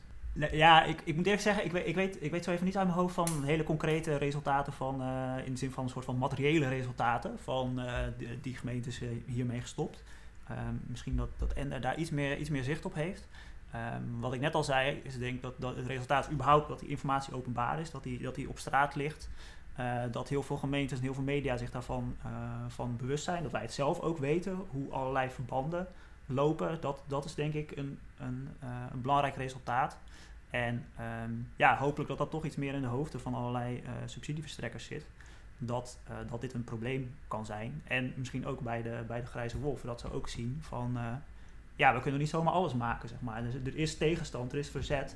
En ja, dat, dat, die dat, dat die dat ook weten, dat lijkt mij, dat lijkt mij ook belangrijk. Dat die voorzichtigheid hen ook een beetje tegen gaat houden eigenlijk. Ja, misschien is dat, ja, ik weet niet, misschien dat Ender daar meer over ja. kan zeggen. Maar, en ja, uh, dank, dankjewel. Ja. Ender dan. Ender dan. Als we kijken naar hoe, hoe, de, hoe ver is die geldkraan dichtgegaan? Nou, als je vergelijkt met dus uh, met de jaren negentig, is het best wel dicht gegaan door allerlei omstandigheden, veranderingen. Dus nu bij bepaalde gemeentes nog steeds best wel veel dat ze allemaal ontvangen. En ook, dus niet alleen maar natuurlijk geld, maar ook facilitaire ondersteuning. Uh, dat is ook wel belangrijk om dingen te organiseren. Hè? Vanuit de gemeente, uh, wat ik net zei, uh, theaterzaal. Ja, dan zou je ook gewoon kunnen zeggen van wij huren geen aan, aan ultranationalistische, extreemrechtse organisaties. Deze hoort daar ook bij. Dus ja, ik denk ook wel dat het belangrijk is dat ze dat dat ze dat ook, dat die ontwikkeling zo doorgaat, dat er straks ook eigenlijk ophoudt, dat er vanuit de overheid geen overheid meer krijgen. Maar officieel zeggen ze dat, we, dat ze geen geld krijgen.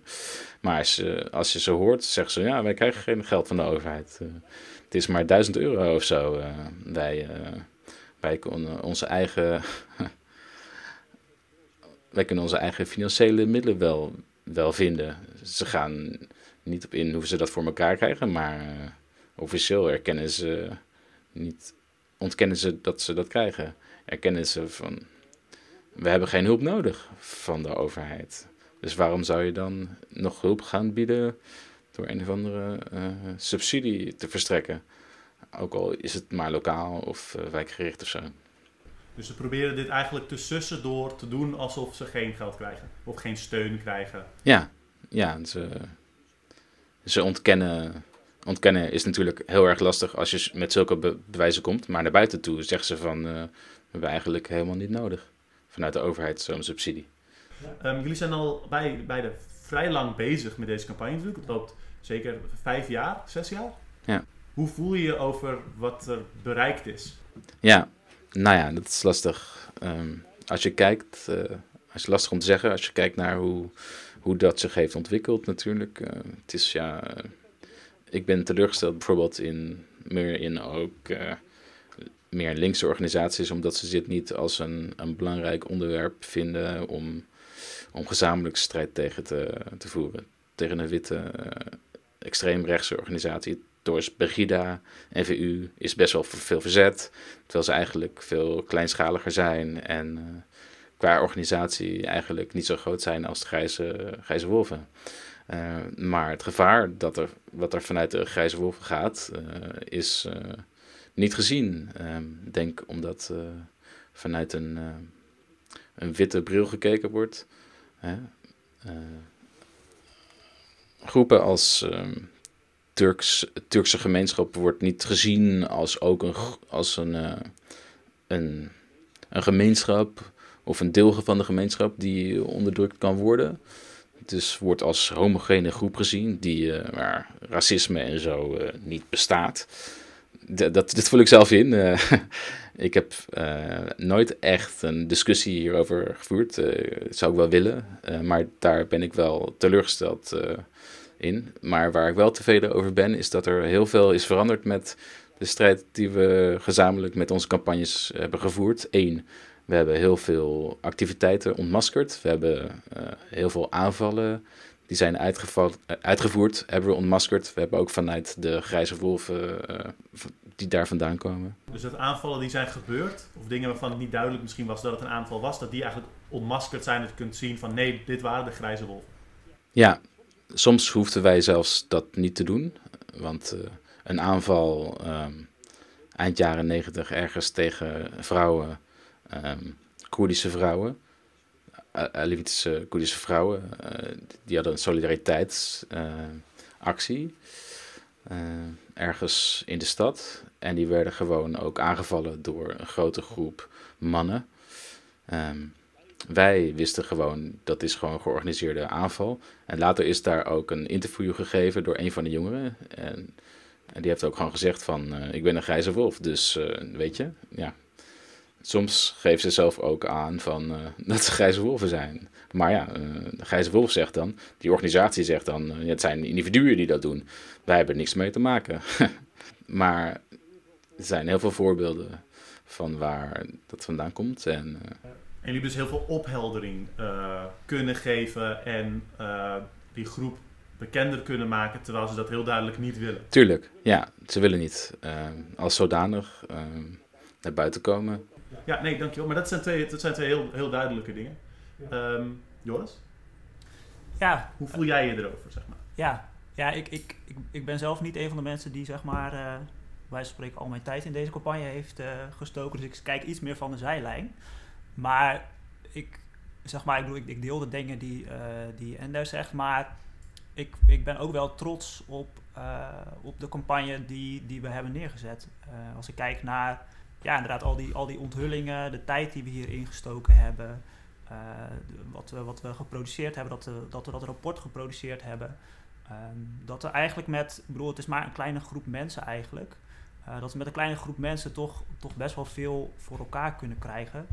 Uh, ja, dan kijk, kijk ik toch best wel met trots naar de mensen die hier het meeste energie ingestoken hebben en naar onze organisatie. Dus dat, ja. dat vind ik wel belangrijk. Dus het voelt ook wel als een, als een, een succesvol project. Ja, voor mij wel.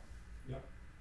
ja. En het is sowieso, ik bedoel, ja, het is, het is altijd een, een leerproces. Ik bedoel, ja, zeg maar, we, hadden ook niet verwacht, en dat is ook niet gebeurd, dat alle subsidies nu in één keer uh, afgeschrapt zouden worden of zo, weet je wel. Maar het is altijd ook gewoon denken van, oké, wat, wat, wat kunnen we nu doen? Uh, en, dan, en dan ga je dat doen en dan kijk je van of, het, of het effect heeft of niet. En als het wel werkt, dan, uh, dan ga je ermee door. Als het niet werkt, dan ga je denken van oké, hoe, kunnen we, hoe kunnen we wel iets doen wat wel meer effect heeft. Ja. En uh, in die zin is het gewoon altijd een leerproces ook. Ja, want je noemde ook, zeg maar, er zijn meerdere factoren waardoor bepaalde subsidies gestopt zijn of zijn omgezet in facilitaire steun of wat dan ook. zou je iets durven zeggen van, nee, maar, maar, dit stuk ligt echt aan ons. Ja. Moeilijk, hè? ik, ik, durf dat niet te zeggen. Jij? Het is, uh, het is lastig te zeggen. Wat ja, uh, het is gewoon denk ik een totaalbeeld van uh, wat wij, wij doen. Wij doen ons deel. maar het zou ook kunnen zijn dat wat wij verzameld hebben, is ook goed materiaal voor een, een onderzoeksjournalist. Die kunnen ook gewoon verder gaan onderzoeken. Die hebben meerdere mogelijkheden. Hè? Ze, er zijn ook Nederlandse extreemrechtse organisaties die ze onderzoeken. Ja. Er zijn genoeg materialen ook voor anderen die, die die ook gebruiken. Wij zijn ook gewoon open in. Zoek maar verder, uh, weet je. Uh, dit is een basis om mee verder te gaan. Dit is ook een basis. Ja. Maar het is ja, jammer dat, uh, dat het zo lang geleden is. Dat er zou veel meer moeten gebeuren. Weet je, mensen die echt hier betaald voor krijgen die, het is echt een werk die meer kunnen doen. Die kunnen ook verder onderzoeken en uh, uitpluizen. En misschien ook over de grenzen heen uh, kijken van wat het daar allemaal gaat. Dat zou maar zeggen van uh, doe maar, wij doen ons deel. wij, doen meer, wij, wij zijn meer activistisch bezig. Dus ook niet alleen maar onderzoek. we zijn met, bezig met strijd tegen extreem rechts. Dat is onderdeel van onze strijd. Ja, hartstikke bedankt hiervoor. Niet alleen voor het verhaal, maar ook voor de strijd zelf. Uh, hoewel de grijze wolven in, in Nederland uh, relatief minder gewelddadig zijn, is het niet zonder risico om dit uh, te doen. Um, zoals ook de, de schrijver van het boek, Stella Braam, en, en Jan Marijnissen en allerlei Koerdische en Alevitische en Turkse activisten in Nederland ook ervaren. En ik vind het een heel mooi voorbeeld van een soort van een minder, minder spectaculair vorm van, van actie die op lange termijn toewijding eist, die uh, resultaat heeft gehad. Uh, en ook iets dat, dat uh, lastig is om, om te organiseren en vol te houden. En daar wil ik het na een korte onderbreking nog verder met jullie over hebben. omdat we Doorbraak natuurlijk ook kennen als een organisatie die zich heel erg richt op die, op die lange adem, die soms moeilijk, moeilijk te zoeken is bij links politiek werk in Nederland. Ja, hartstikke bedankt. Zo, we stappen er even tussenuit voor een shout-out. Op het moment dat ik dit opnam, was er, en misschien is er dus nog steeds, een bosbezetting gaande in het Sterrenbos bij Born in Limburg. Het is een oud bos waar onder andere zeldzame vleermuizen leven. En het bos dreigt gekapt te worden om daarmee mogelijk een nieuwe fabriek te bouwen. De leiding van het bedrijf VDL stelt met de kap in de toekomst banen te kunnen behouden en probeert de situatie neer te zetten als een conflict tussen het bos en de banen van de medewerkers bij VDL. Of de bezetting nog lang voortduurt is onzeker, net als de toekomst van het bos zelf. Ondanks dat het mogelijk een kortdurende campagne is, wil ik er een shout-out naar geven, omdat de bosbezetters in een statement heel mooi het verhaal omdraaien de baas van VDL probeert te vertellen. Er is geen conflict tussen het bos en de banen. Het conflict is tussen zowel bos en banen aan de ene kant en het winstbejag van het bedrijf aan de andere kant. Het bedrijf heeft andere mogelijkheden dan bouwen op de locatie van het sterrenbos dit is gewoon een goedkopere optie. En niets zegt dat de genoemde banen daadwerkelijk behouden blijven wanneer de kans voor meer automatisering zich voordoet. Sterker nog, VDL geeft aan te streven naar een compleet geautomatiseerde fabriek, waar ook de werkers worden wegbezuinigd. Het is een klassiek verhaal dat doet denken aan de mythe van het poldermodel. En het lijkt wel een beetje op dat even misleidende idee van trickle-down economics. Uh, wat een term die uh, in de VS populair is gemaakt met Reagan en later de nieuwrechtse leiders. Als de bedrijfsleiding hun zin krijgt, zo gaat de mythe, en het bedrijf weer meer, en het bedrijf meer winst maakt, dan zal het ook de werkers ten goede komen. Het zij door loonstijgingen omdat het goed gaat met het bedrijf, het zij door het behoud van banen die anders weg moeten worden bezuinigd, zogenaamd. Zogenaamd moet dat. Terwijl voorbeeld na voorbeeld laat zien dat dit een leugen is. En dat gewone mensen onder kapitalisme alleen met de harde strijd winst los kunnen peuteren uit de handen van bezitters. Alle steun aan de bosbezetters en aan de latere acties om het sterrenbos te redden. Volg ze op redhetsterrenbos.nl op Twitter of op Instagram. Lees de open brief aan de medewerkers van VDL en kijk hoe je ze kunt helpen. Nu terug naar Doorbraak en de Grijze Wolven. Dus we hebben net even gepasseerd. We hebben net even gepasseerd. Uh, met het verhaal afgerond over hoe ging de campagne en wat voor resultaten hebben jullie gezien, hoe voelden jullie er zelf over. Um, en nou wou ik het eigenlijk nog een beetje hebben, niet per se over hoe, hoe werkte het nou en wat is er gebeurd, maar meer ja, wat voor keuzes hebben jullie gemaakt en hoe hebben jullie de focus erop gehouden. Er zijn een aantal, aantal issues. Een van de dingen waar ik met de podcast veel uh, aandacht aan wijd is een soort van uh, opbouw op de lange adem, aandacht vasthouden en je niet laten leiden door, uh, door zeg maar, de nieuwscyclus en wat er nu op het nieuws is en daar direct op reageren en al je energie eraan verspillen en ook burn-out onder activisten, et cetera. Um, en daar in, rondom die thema's uh, wou ik het ook nog even met jullie bespreken, want jullie hebben natuurlijk een campagne gedaan, een plan op langere tijd, wat jaren heeft gekost, heel veel aandacht uh, schonken, wat ongetwijfeld soms frustrerend is geweest. En ik vraag me dan af, hoe wisten jullie dat dit zo belangrijk was ten opzichte van andere dingen? Um, ja, dat is een goede vraag. Nou ja, ik denk één, ding is dat het gewoon voor, een, voor een, deel van onze eigen organisatie gewoon heel urgent is, zeg maar. Gewoon een dagelijkse realiteit van we te maken hebben met, met Turkse fascisten. En dat, dat, uh, ja, dat het gewoon in Nederland aanwezig is en dat je, de, dat je daardoor bedreigd kan worden als, als linkse activist met een Turkse achtergrond. Dus, dus ik denk dat dat een heel belangrijk ding is. Dat het gewoon dat het ons in onze eigen levens raakt. En ik denk ook, ja, ik denk dat het wel iets is wat we bij Doorbraak wel meer in het algemeen proberen. Dat we thema's opzoeken die, die dicht bij ons staan, zeg maar. We hebben bijvoorbeeld tijd terug zijn we heel veel bezig geweest met het organiseren van uh, van mensen in de bijstand. En dat komt voor een deel ook omdat een deel van onze eigen organisatie ook in de bijstand zit. Dus uh, mensen in de bijstand moeten verplicht werk doen soms voor, uh, voor een uitkering, dwangarbeid noemen we dat. En ja, wij lopen zelf ook het risico om, om dwangarbeid te moeten doen, dus is het logisch om, om op dat terrein te organiseren. En ik, ik denk dat dat, dat sowieso iets, ja, wij organiseren van onderop, dus dat is dan in die zin altijd een uitgangspunt dat we of zelf uh, last hebben van een bepaalde onderdrukking, uh, of dat we ons samen organiseren met mensen die uh, die, die onderdrukking ervaren. En ja, dat, dat is wel een heel belangrijk punt, denk ik. Ja, ja. En vinden jullie het dan ook moeilijk om die, die focus vast te houden? Want dit heeft natuurlijk vijf jaar geduurd al en het gaat nog steeds, nog steeds een beetje door. Er gebeuren natuurlijk in het nieuws gebeuren er de hele tijd dingen die je aandacht trekken. En mensen vragen je, kom naar deze actie. Kunnen jullie niet helpen daarmee? Ja, dat, is, dat is denk ik dat je constant uh, je, je tijd en je energie uh, heel goed moet zien te verdelen. Zeg maar, het is, uh, het is belangrijk dat je niet uitgeput raakt, dat je gewoon weet van dit is van lange adem. vooral als je met een campagne bezig bent. Met, we zijn met verschillende campagnes bezig geweest. Soms heb je geen succes, soms wel.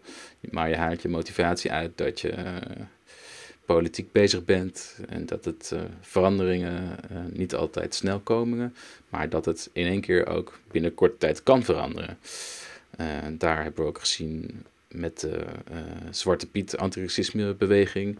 Je bent jarenlang bezig met mensen antiracismebeweging met veranderingen teweeg te brengen en ben je gewoon ook ja doe je heel veel uh, riskante acties. Uh, er is heel veel repressie, uh, heel veel frustratie. Je ziet gewoon dat je kameraden voor je ogen worden neergeslagen. Je weet gewoon, dit is, dat is niet leuk, maar je gaat gewoon door. Je weet gewoon op een gegeven moment, dit is, er wordt ondacht aangedaan. Dus je zet gewoon je strijd verder door. op het moment dat in één keer iets gebeurt, of er is al zoveel opgehoopt uh, vanuit de omgeving, dat het ineens uh, heel snel dingen kunnen veranderen. En dat geeft weer uh, heel veel energie en motivatie om dan te zeggen van ja, het is niet voor niks geweest. we hebben gewoon volgehouden en mensen die echt vooraan staan, die hebben echt volgehouden. ook onze solidariteit, solidair geweest. En, en uiteindelijk zie je dan ook dingen gaan veranderen. dit is denk ik dooddoener vanuit, vanuit de tegenstanders, die vijand, die zegt, je kan niks veranderen. weet je, dit zegt dit hoor je ook vaak van als je ergens mee bezig bent. Mensen zeggen van uh, waarom doe je dat eigenlijk? Dat kan je toch niet veranderen, weet je? Je weet gewoon, in het verleden zijn dingen veranderd. Dus verandering is eigenlijk continu, ook al denk je dat niks verandert, het verandert toch. Hè? Heel veel van politieke strijd met je tegenstander is dan ook een, strijd om je eigen motivatie vast te kunnen ja, houden. Precies. Je moet je eigen motivatie vasthouden. Je eigen, wat Joris ook zegt, uh, het gaat er ook om uh, jezelf je gaat ook jezelf aan. Je bent ook, uh, je wordt ook zelf racistisch bejegend. Ja, je, raakt ook gefrustreerd door, door dingen die niet die snel veranderen. Uiteindelijk wil je dat niet. Je wil ook voor jezelf, je wil er zelf ook vanaf. Je wil ook met respect be behandeld worden. En volop de, de antiracistische strijd ingaat en ja. de, de bewegingen die als je niks doet, dan worden ze nog sterker. En dat je bewegingsruimte ook wat steeds minder wordt. Ja, ja. Um, en, en hadden jullie dingen die jullie deden, technieken of soort van dingetjes met de groep om die motivatie vast te houden of om de, de focus erop te houden?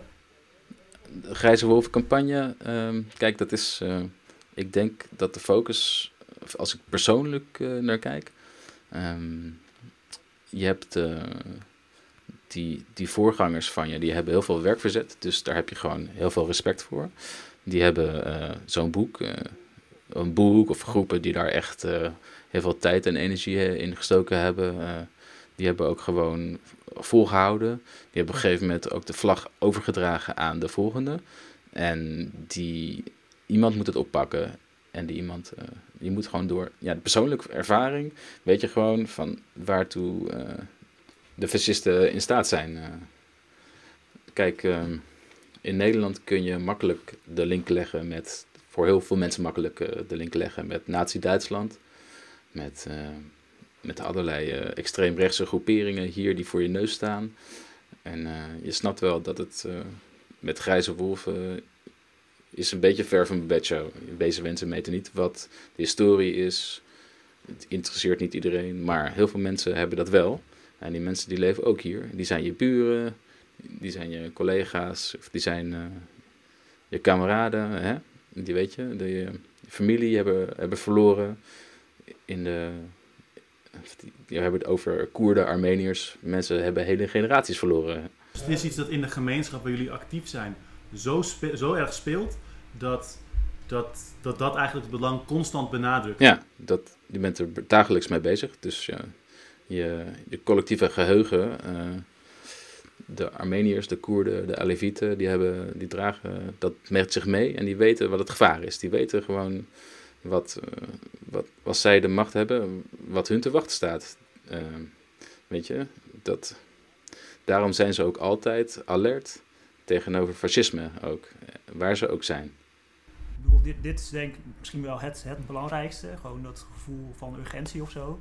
Maar misschien, als ik iets moet noemen wat, wat misschien wat platter is, is ook gewoon uh, uh, ja, de, de, verdeling van taken of zo, weet je wel. Um, want ik bedoel, die hele campagne kost heel veel tijd en, en ook, heeft ook heel veel verschillende facetten. Um, en dat kan niet, niet één persoon in zijn eentje doen. Maar we hebben bijvoorbeeld iemand uh, in de organisatie die, die vaker WOP-verzoeken heeft gedaan, dus daar best wel veel uh, verstand van heeft. We kennen ook mensen die, dat, uh, die echt procedures voeren. We hebben mensen in de organisatie die heel goed kunnen schrijven. We hebben mensen die, die een, uh, Turkse achtergrond hebben. Dus heel veel kennis hebben van de geschiedenis van de beweging. De geschiedenis van hoe alles in elkaar zit. En de, de structuur van, van Turks extreem rechts. Dus het is ook belangrijk om te denken van ja, wie, kan, wie kan wat doen. En hoe kunnen we die taken zo goed mogelijk verdelen. Om, uh, om op goede manier die, ja, die campagne te draaien. Terugkijkend, hebben jullie een, een bepaalde manier dat gedaan? Of hoe, hoe lukte dat? Ja, um, hebben we ook. De eerste, in eerste instantie was het natuurlijk wel minder. Er waren niet zoveel mensen. Er kwamen ook mensen bij die uh, meer tijd hadden. Uh, binnen de organisatie weet je ook van uh, welke kwaliteit heeft iemand. Dan moet je ook goed kijken van wat kan iemand, hoeveel tijd heeft hij, hoeveel tijd kan hij erin steken. kijk, als iemand goed is in juridische zaken, dan kan je gewoon dat aan iemand overlaten. En andere is iemand goed in onderzoeken, informatief, informatie analyseren. En dat kun je dat aan zo iemand overlaten. Dus. En hoe deden jullie dat als groep? Nou, wij kenden elkaar natuurlijk al. Wij, hè? wij uh, hebben ook gewoon, uh, toen we de campagne gingen starten, nou goed, we moeten gewoon echt juridisch goed aanpakken. Dus, nou, hebben we gewoon gezegd van, uh, die hoeft niet verder dit te doen. Maar diegene die juridisch hebben onderzocht, die draagt de informatie over als het zover is aan degene die, uh, die goed is in het verhaal bij elkaar verzamelen en analyseren. En was die andere persoon. Dus dat gaat op een hele makkelijke manier. we kennen elkaar gewoon. Wat dat betreft, ja, het was ook gewoon snel geregeld en gingen gewoon aan de slag, weet je. Ja, ja, ja. Ja, nou ja ik, ik denk in die zin dat, dat in ieder geval in dit geval dingen vrij organisch gingen, omdat het ook omdat dit, deze campagne ook gedraaid werd door mensen die elkaar al lang kennen, die gewoon weten van oké, uit eerdere ervaringen van jij kan dit, jij kan dat. En bijvoorbeeld die WOP-verzoeken, we hebben niet over grijze wolven eerder WOP-verzoeken gedaan, maar wel over, over dwangarbeid bijvoorbeeld. Uh, en dan weten we ook hoe we zo'n procedure aan moeten pakken. En wat, wat soort van obstakels zijn. En ook wat we eerder misschien wel, wat voor fouten we eerder hebben gemaakt bij die WOP-verzoeken bijvoorbeeld. Dat bijvoorbeeld heel veel opzoeken hebben gedaan, heel veel informatie hebben verzameld, maar van tevoren niet goed bedacht hebben van nou, wat moeten we nou allemaal met die informatie. En dat hebben we deze keer denk ik wel beter gedaan. Dus ik denk ook dat het, het is ook, uh, ja, het is ook gewoon op basis van, van ervaringen van vroeger en ook op basis van vertrouwen. Dat we elkaar gewoon kennen en dat we ook gewoon weten van die persoon kan dit goed en dit kunnen we ook aan die persoon overlaten. En dan hoeven we niet de hele tijd nog mee te kijken van oh, uh, gaat het allemaal wel goed of zo, weet je wel. En dat was wel het voordeel van deze campagne, denk ik. Dat is natuurlijk niet altijd zo. Soms dan begin je iets nieuws en dan ja, ja dan, dan heb je veel meer een worsteling, denk ik, omdat je dan moet uitvinden van ja, wie kan, wie kan wat en, en, en, en uh, ja, kunnen we alles aan die personen overlaten of zo. Maar Zouden jullie dan een tip hebben? Want jullie zijn een heel erg ingezeten groep die heel veel ervaring hebt met elkaar. Stel, een aantal nog niet zo ervaren mensen zouden iets vergelijkbaars willen doen, en, maar ze, ze weten niet zo hoe dat dan aan te pakken of wat te kiezen. Of, hebben jullie een, een tip die jullie zeg maar, zouden willen meegeven aan iemand die bijvoorbeeld een nieuwe doorbraak zou willen beginnen? Ik zou ook dan, uh, ja, goed, als we elkaar uh, niet goed weten uh, wat, we, wat we al elkaar kunnen hebben, dan kunnen we gewoon kijken van wat voor, wat voor tijd heb je. iemand moet ook leuk vinden, vind ik. dat hebben wij ook van het begin ja, het moet niet uh, dwangmatig zijn. Wat je doet, moet je ook plezier uithalen. je moet het ook gewoon. het is natuurlijk geen leuk onderwerp, maar als je ermee bezig bent, moet je gewoon met wat je doet, moet je wel leuk vinden. En, en ook samen ook wel genieten als je zo'n zo'n onderzoek hebt en je komt ergens achter waar je dacht van, oh, weet je, nou hebben we het, weet je. dan kun je die ook met elkaar delen van, ja, we hebben het voor elkaar. Het is het resultaat niet van één iemand, maar van een collectieve samenwerking. Dus als ik, hoor ik, als ik het goed, versta, hoor ik, um, zorg dat je elkaar wel gaat leren kennen en ook dus vragen van wat, wat, wat kan iemand, maar ook wat, wat, zou, wat willen ze, waar worden ze blij van. Ja. en ook bewust samen stilstaan als er iets, als er iets lukt, zodat je daarmee kunt bevestigen, dat dit hebben we mhm. gedaan, dit hebben we bereikt. En goed van tevoren plannen plan goed van, van tevoren op papier zetten van beginfase, wat gaan we daarna doen en hoe sluiten we af. Wat is, je moet ook wel weer kunnen toetsen van hoe is dit geweest, is, het, is het een succes geweest, waar hebben we gefaald. Dus je moet wel met dit soort campagnes wel heel wel planmatig mee omgaan. Dus van tevoren overzichtelijk op papier hebben en wij wisten gewoon van, uh, dat, het dat het resultaat hadden, dat het in een rapport zouden verwerken. Zodat we daarna ook uh, kunnen aankaarten van bij de gemeente. Uiteindelijk ging het om de gemeentes, om de subsidievertrekking, om de overheid. We wisten ook van, we moeten ook wel bij de, Tweede Kamer, uh, want het gaat ook over de overheid. Ja. ja, en dat vind ik ook mooi van deze campagne inderdaad. Het heeft iets journalistieks, maar er zat ook heel duidelijk vanaf het begin een gevolg aan. Van als je iets schrijft, als je iets maakt, waar komt het dan terecht en hoe ga jij zorgen dat het daar terecht komt? Eh, dat het onder de juiste aandacht komt en dat het het gevolg gaat hebben dat jij nodig hebt dat het, dat het gaat hebben. Dat het gaat doen wat jij wil dat het gaat doen. Ja. Oké. We hadden een korte intermissie. En hebben een aantal dingen gezegd die ik wel een soort theoretische doorbraak vond. Of in ieder geval ha, een, uh, een toespeling op, op iets wat ik, wat ik heel graag uh, soort van meer over zou willen horen. Ze hebben het gehad dus over die Grijze Wolvencampagne, die langdurige campagne, diepte-documenten in, de boeken. En het gaat over hoe wist je dat het belangrijk is, um, hoe ga je ook met afleidingen. Maar ik wil eigenlijk heel, heel concreet, hè? Hoe, hoe structureer je zo'n campagne? Hoe zorg je dat je het volhoudt? Hoe zorg je dat het zin heeft? Uh, hoe, hoe structureer je zo'n langer project? Joris. Ja, um, ja, daar hadden we het net even over. En toen uh, moest ik eraan terugdenken dat we tien jaar geleden ongeveer iets meer uh, eigenlijk een beetje de, de theorie van organizing ingedoken zijn. En die hebben toen heel erg gebruikt, of we hebben toen besloten eigenlijk van ja, dit is interessant, hier gaan we iets mee doen. Um, en hebben bepaalde elementen uitgehaald die we nu eigenlijk nog steeds gebruiken. En eigenlijk, ik denk eigenlijk een paar van de belangrijkste elementen daarvan zijn is, is, is plannen. Dat je gewoon heel goed nadenkt over oké, wat gaan we doen? Uh, wie willen we bereiken? Wie is onze tegenstander? En ik denk dat een heel belangrijk element is altijd een, een strijdelement. Dus dat je de, de, de, de strijd aangaat met iets en dat je een reactie terugkrijgt en dat je daardoor, uh, daardoor eigenlijk uh, vooruit komt, zeg maar. Dat is een heel belangrijk uh, element, dat je juist door die reactie en, en de reactie van de tegenstander een soort van verder komt, zeg maar. Aha. Ehm, dus, de, dus, dat, dus dat je niet een soort van onhaalbare, ver weg of heel abstracte doelen stelt, maar hele concrete doelen waar je iets mee kan bereiken en, en, en wat je dan wel of niet bereikt en, en wat je dan kan evalueren. Dat is een, een ander element, dat je uh, altijd evalueert achteraf. Dus na elke stap in een campagne of na de campagne als geheel uh, kijk je terug van wat is er wel en niet goed gegaan, wat is ons doel geweest, hebben we dat bereikt of niet. Uh, wat kunnen we daaruit leren? Wat moeten we anders doen? Moeten we een hele andere campagne bedenken of, of moeten we bepaalde elementen aanpassen? En wat wat ook super belangrijk is, is dat je je successen viert. Dus dat je, maakt niet uit hoe groot of klein het succes is. Elke kleine overwinning moet je gewoon benoemen en vieren, omdat dat is waar je energie van uh, uithaalt. Dat is gewoon, uh, ja, je moet zeg maar, het is, het is een, een zeg maar oneindig lange strijd. We hebben een, we hebben een, een enorm lange termijn doel van een utopische samenleving waar we, waar we heen willen. Maar mm-hmm. Uh, ja, we gaan er in oneindig veel kleine stapjes gaan we daarheen komen. En al die stapjes moeten we, moeten we vieren. Omdat dat dus ook is waar we onze, waar we onze energie vandaan halen.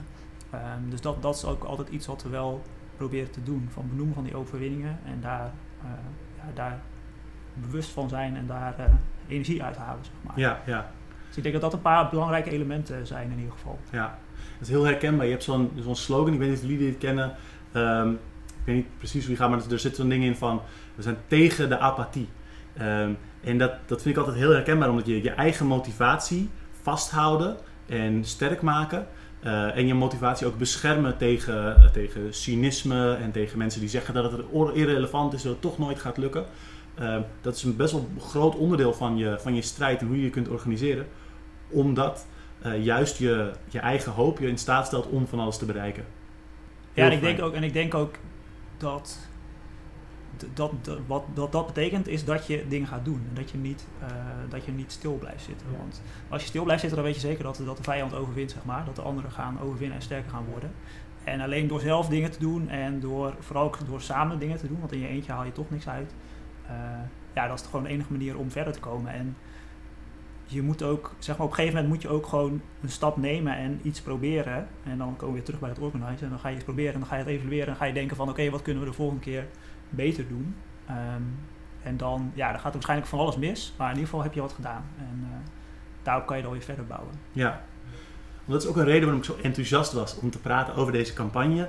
Is juist omdat in een situatie waar er zoveel uh, verschrikkelijke dingen gebeuren en heel veel dingen zeg maar, de verkeerde kant op gaan, dus, maar, vrij, vrijwel elk deel van de wereld staat een beetje in brand, uh, dat deze campagne op lange termijn bezig is gebleven en dingen heeft kunnen bereiken en uh, mensen hebben hun aandacht erbij kunnen houden en voelen zich er achteraf eh, goed over en kunnen verder en hebben iets geleerd dat ze door kunnen geven. En dat voelt voor mij eigenlijk vrij, vrij zeldzaam in zeg maar, de activistische context.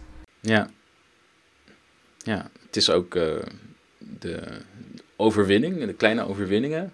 Dat is ook wat Joris ook noemt. Dat was hier ook heel erg belangrijk. We hebben heel lang, heel langzaam kleine successen geboekt.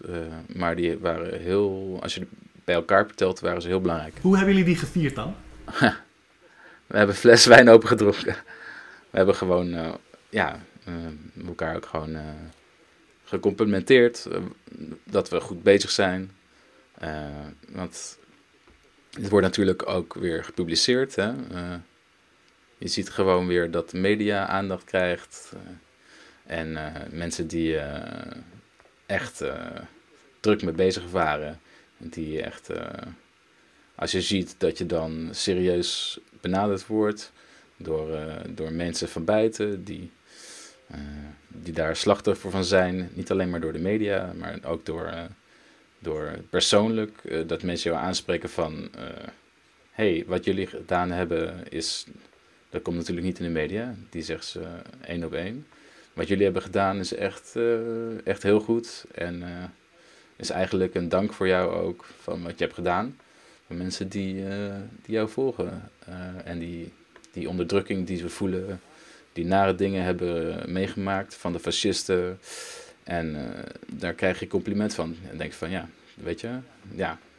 Dus meestal is het wel lastig om dat zo weer terug te krijgen. Maar als je dat een keer hoort en je, je merkt dat, dan, ja, dan uh, is het ook wel echt voor iedereen weer echt weer een extra motivatie om weer door te gaan. Omdat jullie zo'n zo, tijd zo ingebed is in jullie eigen kring, krijgen jullie het ook terug, ook al... Van buiten, van buiten niet vanuit doorbraak. Uh, vanuit andere kringen, van minderheden die onderdrukt worden, ehm, die eigenlijk uh, dagelijks last hebben van, van fascisten en zo. Ja, nou, als je daar echt complimenten van krijgt, dan dat je zegt van, nou, goed, jullie zijn goed bezig, dan, dan denk ik van, nou, hier gaan we gewoon mee door, weet je.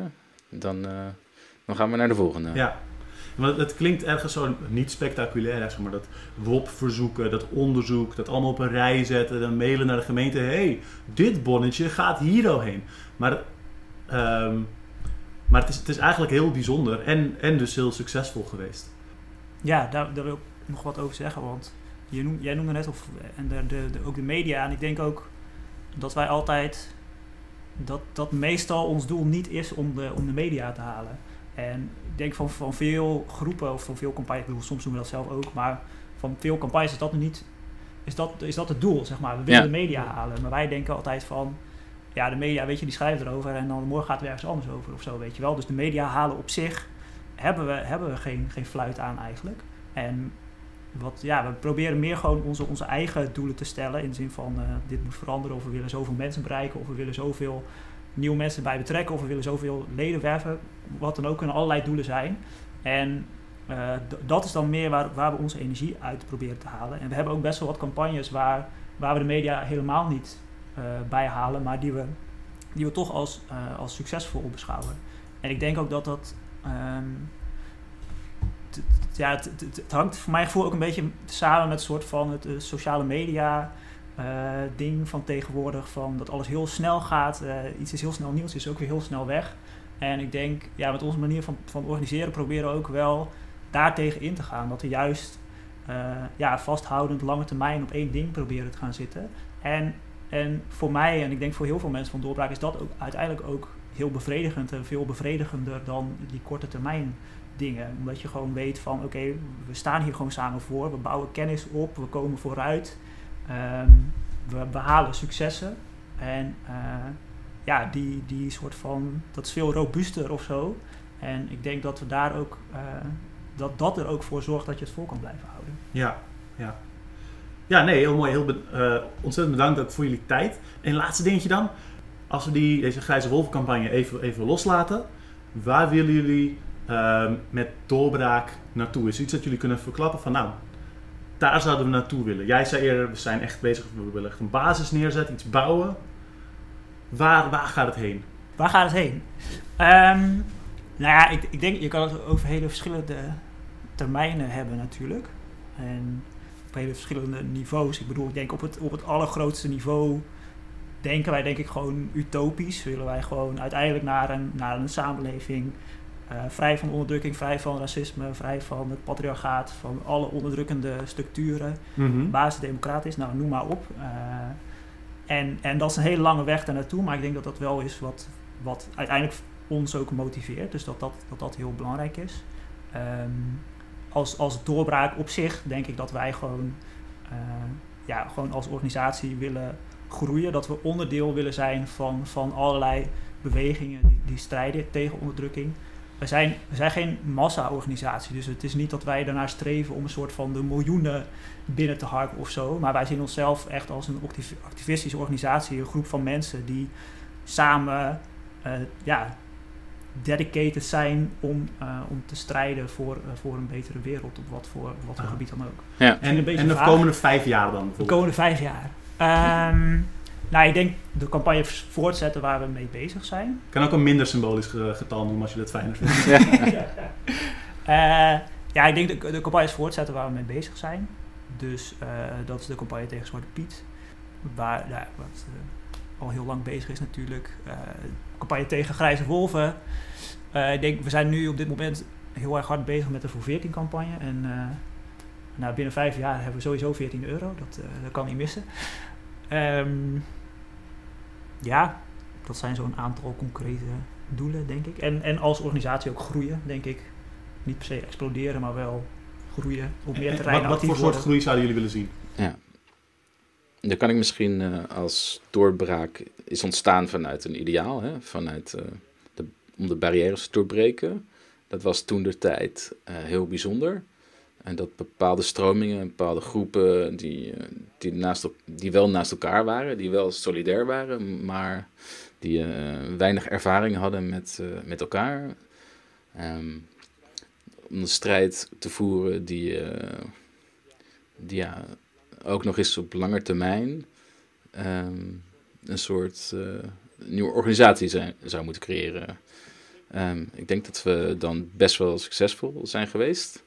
Alleen ik denk dat, eh, dat we dat ook in de toekomst verder moeten kijken. Kijken hoe we dat verder moeten eh, uitbreiden. Want ik, ik vond bijvoorbeeld eh, heel leuk hoe we met de Voor 14 campagne naar de gezamenlijk naar de vrouwen demo waren geweest. Dat was gewoon heel mooi.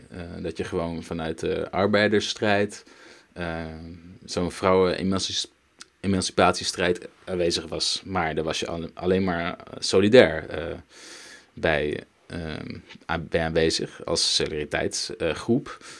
Eh, meer utopisch moet er ook kunnen zijn. eh, zou je ook moeten zijn dat je veel meer naar elkaar toe eh, gaat.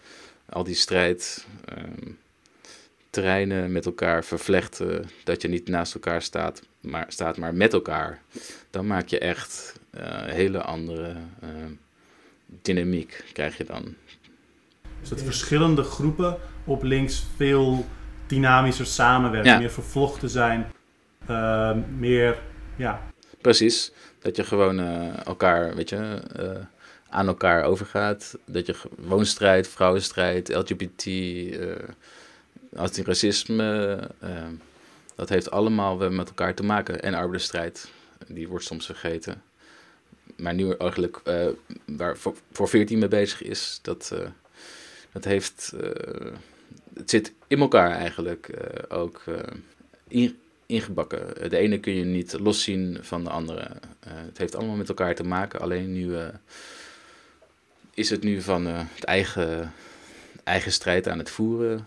In de toekomst hoop ik niet dat doorbraak, maar dat al die bewegingen dan meer naar elkaar toe vloeien. Eh, mogen, mogen ook eigen dingen, maar ook eh, ja, een soort eh, vervlechting, vervlochten geheel kunnen vormen. Om meer vuist te maken. Om de echte verandering te realiseren, zeg maar. ja. Ja, dat is, dat is mijn, mijn ideaalbeeld. Ja. Nee, heel mooi beeld. Ehm, hartstikke bedankt allebei. Heel fijn om jullie te spreken. Ja, ik, ik hoop jullie nog vaker tegen te komen.